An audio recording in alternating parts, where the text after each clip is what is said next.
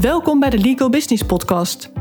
De podcast voor advocaten en legal professionals met passie voor het vak en de ambitie om zich verder te ontwikkelen op businessvlak. Ik ben Marloes Kuipers en in deze podcast deel ik waardevolle tips, inzichten en strategieën die jou gaan helpen om het maximale uit je carrière of kantoor te halen.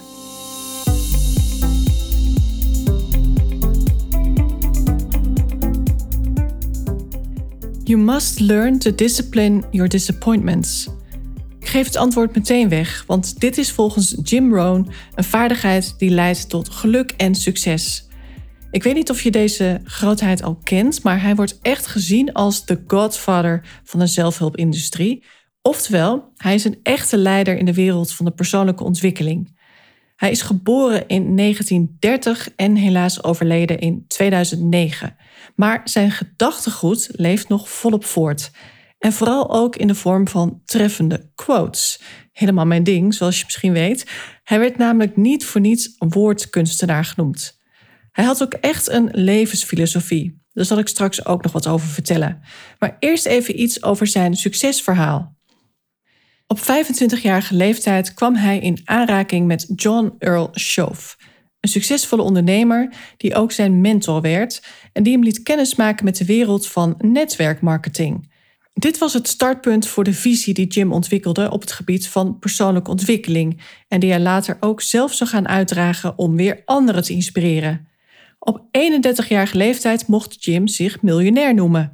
Enkele jaren later werd hij door een vriend gevraagd om ergens een lezing te geven en die had als titel Van boerenjongen tot Beverly Hills. En dat werd zo'n succes dat hij al snel werd gevraagd om seminars te geven.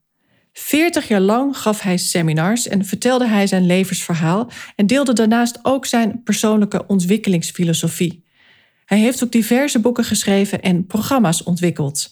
In 2009 is hij dan op 79-jarige leeftijd overleden. Heel wat succesvolle mensen hebben zich laten inspireren door deze bijzondere man die dingen op zo'n mooie manier kon zeggen. Een hele bekende naam is Tony Robbins, want Jim Rohn was zijn grote inspiratiebron en persoonlijk mentor. Mocht je nog nooit van Tony Robbins hebben gehoord, hij is wereldwijd de meest bekende motivational speaker en life coach. Dus zonder Jim Rohn was Tony Robbins niet de man geweest die hij nu is en had hij wereldwijd nooit zo'n impact kunnen maken. En dit is ook een mooi voorbeeld van hoe één beslissing je leven kan bepalen. Tony Robbins die besloot om destijds in de leer te gaan bij Jim Rohn. En dat heeft hem overduidelijk geen windeieren gelegd. Tony Robbins is nu zelf ook al 62 jaar. Maar wat heeft die man nog een energie? Echt onvoorstelbaar. Hij kan met gemak althans zo lijkt het, zes dagen lang achter elkaar maar liefst twaalf uur op het podium staan om zo duizenden mensen te inspireren en te motiveren. Dat is nogal een skill en dat doet volgens mij nog niemand hem na. Hij heeft wel zo zijn technieken, want de temperatuur in de zaal die staat werkelijk op standje vriezen. Je krijgt niet de kans om in te dutten. En natuurlijk staat hij ook bekend om het opzwepen van het publiek door iedereen te laten dansen en springen. Dat helpt natuurlijk ook. As we speak, op dit moment is een vriendenondernemer in Florida bij zo'n event van Tony Robbins. En je kunt op Netflix ook een documentaire van hem bekijken met als titel I Am Not Your Guru. En dan zie je hoe het er achter de schermen aan toe gaat tijdens zo'n zesdaags live event. Jim Rohn is miljonair geworden in een tijd waarin niet velen dat bereikten. Hoe anders is dat in deze tijd? Met de komst van het internet vinden veel jongeren studeren maar onzin en gaan ze voor het snelle geld en het snelle succes. Maar wat is succes? Succes moet je kunnen dragen, zeggen ze vaak. En daarvoor moet je mentaal sterk zijn. En juist daar schort het aan bij de jonge miljonairs. Het is ook bekend dat heel veel ogenschijnlijk succesvolle jonge mensen doodongelukkig zijn en zich gewoon depressief voelen. Wat zij niet beheersen, en wat misschien wel het meest waardevolle is, dat is levenswijsheid en levenskunst. De kunst van levensvaardigheid. En wat wordt daar nou mee bedoeld? Simpel gezegd, op veerkrachtige wijze de kansen en uitdagingen van het leven aangaan. Kansen zien en benutten, dat is één ding, maar je moet je dus ook niet gek laten maken door alles wat er gebeurt in de wereld of in je bedrijf. Want er is altijd genoeg te vinden om jezelf in een negatieve mood te krijgen. Of om jezelf in een depressie te praten, door veel dingen niet te relativeren. Door de impact die bepaalde problemen of uitdagingen op onze gemoedstoestand hebben, niet te beperken. Nou kan ik meteen een praktisch voorbeeld noemen, want afgelopen week was het natuurlijk prachtig zonnig weer. Maar tegelijkertijd is dit ook abnormaal voor de tijd van het jaar. Veel te warm.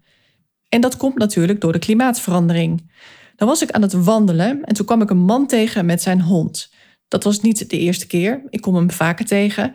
Dus als ik niet aan het hardlopen ben, dan begint hij vaak te praten. En nu zei ik dat het een prachtige dag was, waarop hij over het klimaat begon. En daar kon ik natuurlijk in meegaan, maar vervolgens ging hij helemaal los over de politiek, het vliegverkeer en hoe druk het wel niet op de weg is. Waarbij hij letterlijk zei: Ik zit heel veel op de weg en als ik dan zie hoeveel auto's er zijn, dan denk ik: man, man, man. En toen dacht ik: uh, Zei je nou niet dat je zelf ook heel veel op de weg zit? En ik dacht het, hè, ik heb het niet gezegd. Maar toen hij over de landelijke politiek begon, toen kon ik het niet laten om te zeggen dat het natuurlijk wel een wereldwijd probleem is. En dat maakt dat je dingen in perspectief kunt zien. Want al zou Nederland als kleine stip op de wereldbol alles perfect doen, dan is daarmee het probleem nog niet opgelost. Wil dat zeggen dat we dan dus maar niets hoeven te doen? Natuurlijk niet. Maar je zo opfokken als deze man in een paar minuten deed, dat lijkt me niet echt gezond. En het is al helemaal niet helpend. Want dit valt in de categorie: je kunt het zelf toch niet oplossen. En dan was de dag nog maar net begonnen, hè? Als je alles op deze manier laat inwerken op je gemoed, dan heb je gegarandeerd een zwaar leven.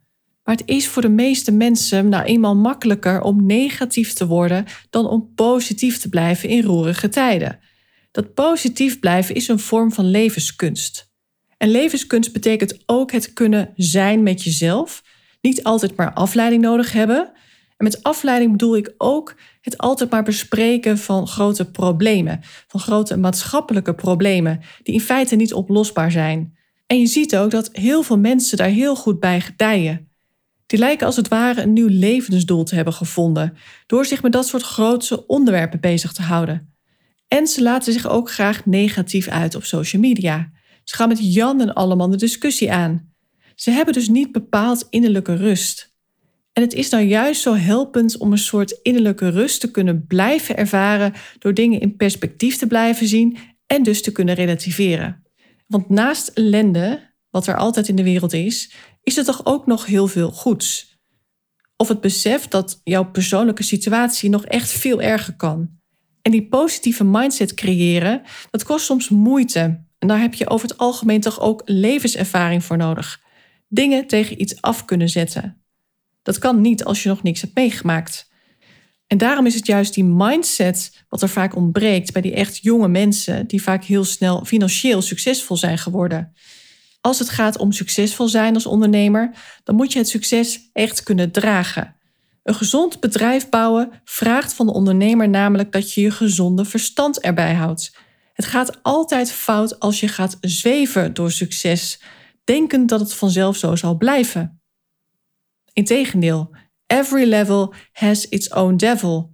Het is echt een misvatting om te denken dat je het makkelijker gaat krijgen als je eenmaal dit of dat hebt bereikt. Er zullen altijd uitdagingen zijn. Verdien je meer geld, dan heb je meer geld te managen. Krijg je het als kantoor ineens enorm druk, dan zul je moeten gaan uitbreiden. Je hebt meer mensen nodig om al het werk te kunnen verzetten. Maar meer cliënten, meer werk en meer medewerkers managen, dat kost allemaal tijd, geld en energie. En als je dan ook nog vaak uitgaat van het worst case scenario, wat nou als, dan laat je dus al heel snel overmannen door emoties. Want je ervaart al de teleurstelling voordat de teleurstelling een feit is. En misschien gaat die teleurstelling wel nooit gebeuren.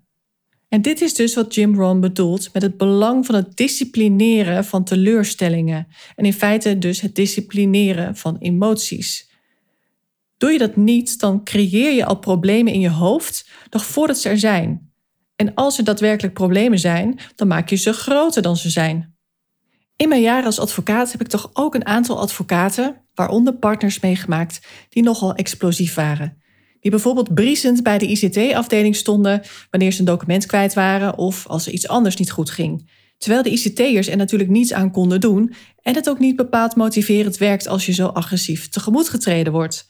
En er waren natuurlijk ook advocaten die erom bekend stonden dat ze niet makkelijk waren om voor te werken en bijvoorbeeld de nodige secretaresses of stagiaires versleten. Of ze hadden zelfs moeite om hun woede te beheersen en gingen op een zakelijk event bijna met iemand op de vuist. Er moest serieus iemand tussen beiden komen, heb ik gehoord. Dit is wel echt een extreem geval en eentje in de categorie get some therapy lijkt me. Houd jezelf in de hand. En dit zijn toch vrij logische voorbeelden van het overduidelijk niet in staat zijn om je emoties te disciplineren. Maar er is ook een heel andere kant van dit spectrum. En dat is onprofessioneel gedrag in de vorm van roddelen. Dat heeft natuurlijk even goed te maken met emoties. En het is toch vooral een vrouwending. Hier is dan weliswaar geen sprake van verbaal of fysiek agressief gedrag, maar dit geniepige gedrag moet je zeker niet onderschatten. Want ook dit is een teken van het niet in staat zijn om jezelf mentaal en emotioneel in de hand te houden. Dit soort mensen laat zich leiden door emoties als jaloezie en onzekerheid. Dit gedrag is natuurlijk sowieso ongepast en een teken van zwakte, als je het mij vraagt, maar het past zeker niet bij een leiderschapspositie. Dus als het gaat om de vraag of iemand partnerwaardig is, dan zou dit gedrag echt een red flag moeten zijn. Tegenwoordig is het creëren van een veilige werkomgeving juist zo'n hot topic. En daar past dit gedrag absoluut niet bij. Het is puur vergif wat je laat verspreiden binnen je kantoororganisatie. En toch gebeurt het toch veel te vaak.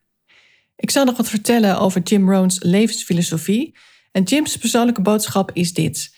Ik wens je een leven vol rijkdom, gezondheid en geluk.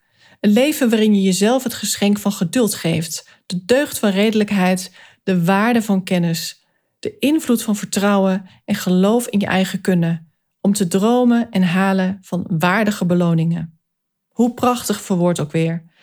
In zijn boek, De vijf belangrijkste stukken van de levenspuzzel, identificeert hij vijf componenten van succes: filosofie, hoe je denkt, attitude, hoe je je voelt, actie, wat je doet, resultaat, meet je resultaten regelmatig om te checken of je vooruit gaat.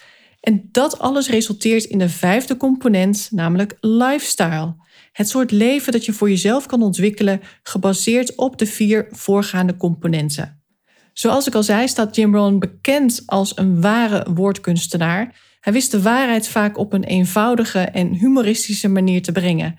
Jim heeft echt een schatkamer van quotes nagelaten. Ik zal een paar voorbeelden noemen die zijn filosofie over het leven en over werk typeren. En vertaald in het Nederlands, wat toch wel echt minder mooi klinkt als je het mij vraagt. In het kader van talent zegt hij: Wens niet dat het makkelijker was, wens dat jij beter was. Wens niet voor minder problemen, maar wens meer talent. Wens niet minder uitdagingen, maar wens meer wijsheid. Over groei zegt hij: Voeg je niet bij de menigte die het makkelijke zoekt, want dan groei je niet. Ga daar waar de verwachtingen en de vraag om te presteren en resultaten te behalen hoog is. Over verandering zegt Jim: De belangrijkste reden om onszelf te veranderen is ofwel inspiratie ofwel wanhoop. En dit is even een doordenker. Concreet zou je kunnen zeggen dat bepaalde mensen, zoals ondernemers, geïnspireerd in actie komen en daarmee hun eigen succes en geluk creëren. Terwijl je ook de categorie mensen hebt die vooral bang is om te verliezen of om te falen en die dus niet in actie komt. Ze stellen het nemen van een beslissing uit totdat ze geen keuze meer hebben. En dan is er sprake van wanhoop. Die eerste categorie mensen die laat het nooit zover komen. Zij blijven namelijk altijd in beweging. En over beweging gesproken, over activiteit zegt Jim, de weinigen die actie nemen worden benijd door zij die toekijken. En dan last but not least over succes zegt hij, succes is wat je aantrekt door de persoon die je wordt. Dat is ook zo'n waardevolle les. En die sluit ook aan bij de quote van Jim waar ik de aflevering mee begon. Learn to manage your disappointments. Pas als dingen tegenzitten leer je jezelf goed kennen. Hoe sterk en stabiel ben jij? Maar dat geldt ook voor hoe je naar anderen kijkt. Pas als de omstandigheden tegenzitten, ga je zien wie er een echte leider is. Of iemand jouw respect wel verdient, ja of nee. Ik zie nog veel te veel mensen, ook binnen de advocatuur, ogenschijnlijk succesvol zijn. Succesvol omdat ze dat zakelijke stuk weliswaar goed masteren, maar dat mentale stuk niet. Ze behalen hoge omzetten, hebben het tot partner gemaakt, zijn overduidelijk aanwezig, ze laten van zich horen, ze zijn wellicht vakinhoudelijk ook echt getalenteerd en ze lijken misschien ook wel echt een sterke leider te zijn. Maar het is niet zo moeilijk om iets te managen wat al goed loopt. Iets wat al draait, draaiende te houden, zeg maar. Als alles altijd maar mee zit, dan is het grote gevaar dat je dat normaal gaat vinden. En dat je geen moment stilstaat bij de vraag: wat als dit geluk ophoudt? Denk aan het draaien van een topomzet zonder aan acquisitie te hoeven doen. Maar alles houdt een keer op. De wereld verandert, dus wat nu goed werkt, werkt over vijf jaar of misschien volgend jaar al niet meer even goed. En wat nou als er zich echte uitdagingen voordoen? Wat als alles niet meer meezit, maar mislukt? Wie ben je dan? Sta je er dan nog? Kun je omgaan met tegenslag? Laat je je erdoor uit het veld slaan of maakt het je juist strijdlustig? Is jouw glas half vol of half leeg? Dat is allemaal mindsetwerk. En daar ligt de grootste sleutel voor succes. Bij getalenteerde advocaten die qua hard skills even goed zijn, ga je daar het verschil zien. Met wie ga je de oorlog winnen, zeggen ze wel eens. De meest succesvolle mensen hebben altijd levenslessen geleerd. Ze hebben altijd moeilijkheden overwonnen. Hun succes kwam niet in een lineaire lijn. Ze zijn geworden wie ze zijn door wat ze hebben overwonnen. Zij hebben zich niet laten stoppen door obstakels. Ze zijn door weerstand heen gegaan. En Jim Rohn zegt over tegenslag It's hard to learn when you are winning. Wederom spot on. Dus mocht het eens tegenzitten, denk dan vooral aan die quote. It's hard to learn when you are winning. Als je daarentegen in staat bent om om te gaan met teleurstelling en je vooral ook jouw emoties weet te handelen, dan ga je juist winnen. Met emoties handelen bedoel ik vooral dat je niet buitenproportioneel moet reageren geen oncontroleerbare woedeuitbarstingen of huilbuien als primaire reactie op tegenslag. En dit geldt dan even voor de expressieve mensen, maar voor de mensen die het intern verwerken is het natuurlijk niet anders. Daar hebben andere mensen weliswaar minder last van, maar het is ook ongezond om je intern helemaal op te vreten over bepaalde dingen. En natuurlijk mag je van dingen balen, hè? maar niet uren, dagen of weken, afhankelijk van wat het is, als daarmee helemaal niets aan het feit verandert dan is het toch get over yourself. Zie alles in perspectief. Als er uitdagingen in het leven zijn op een schaal van 1 tot 10, dan moet jouw emotionele manier van reageren daarmee corresponderen. Maar wat je vaak ziet is dat de score op de schaal van emotioneel reageren, laten we zeggen van relaxed tot hysterisch, dat dat niet matcht met de objectieve rating van de betreffende situatie. Als je partner wilt worden of al partner bent en binnen de partnergroep echt gerespecteerd wilt worden, dan is dit iets waarmee je in positieve zin kunt opvallen. Hoe in control ben jij als er dingen tegenzitten? Hoezeer ben jij dan de leider? Ben jij in staat om een rots in de branding te zijn? Als jij je verder wilt ontwikkelen op het gebied van leiderschap, neem dan vooral contact met mij op. Want ik heb de nodige ervaring op dat vlak, kan ik inmiddels wel stellen. En zelfs in de meest uitdagende situaties is het toch mogelijk om grootse dingen te bereiken. Zoals Jim Rohn ook zegt, succes is wat je aantrekt door de persoon die je wordt. Dat vlak kun je jezelf altijd ontwikkelen. Je kunt altijd nog groeien. En het is naïef om te denken dat je dat moment kunt timen. Als er iets gebeurt waardoor jij die sterke persoon hebt te zijn, dan is het te laat om die persoon nog te worden. Nu is altijd het beste moment. En daarmee komen we aan het einde van deze aflevering. Ik denk dat ik heel veel heb gezegd wat je misschien even moet laten bezinken. Of beluister de aflevering nog een keer. Want uit de statistieken blijkt ook dat meerdere mensen dat doen. Afleveringen vaker beluisteren. Dus doe dat vooral ook bij deze, zou ik zeggen. Dan zit het er weer op voor vandaag. Ik wens je nog een mooie dag of een hele fijne avond. En tot de volgende keer. Dankjewel voor het luisteren. Mocht je deze podcast waardevol vinden Abonneer je dan of volg mijn podcast zodat je geen aflevering hoeft te missen. En deel hem ook vooral in je netwerk. Ook zou je mij een groot plezier doen met een 5-sterren review die je kunt achterlaten op iTunes. Niet alleen wordt de podcast dan beter gevonden, maar je helpt ook weer andere advocaten en juristen in hun reis naar succes en geluk. Uiteraard vind ik het leuk om te horen wat je meeneemt uit deze aflevering. Stuur me een bericht op LinkedIn of mail naar info.marloeskuipers.nl. Heb jij bepaalde ambities en wil je weten hoe ik jou zou kunnen helpen bij het verwezenlijken daarvan? Vraag dan een gratis meesterschapscall aan via mijn website. Ga naar www.marloeskuipers.nl. Alle informatie vind je ook in de show notes bij deze aflevering. Ik kijk er naar uit om van je te horen. Tot de volgende keer.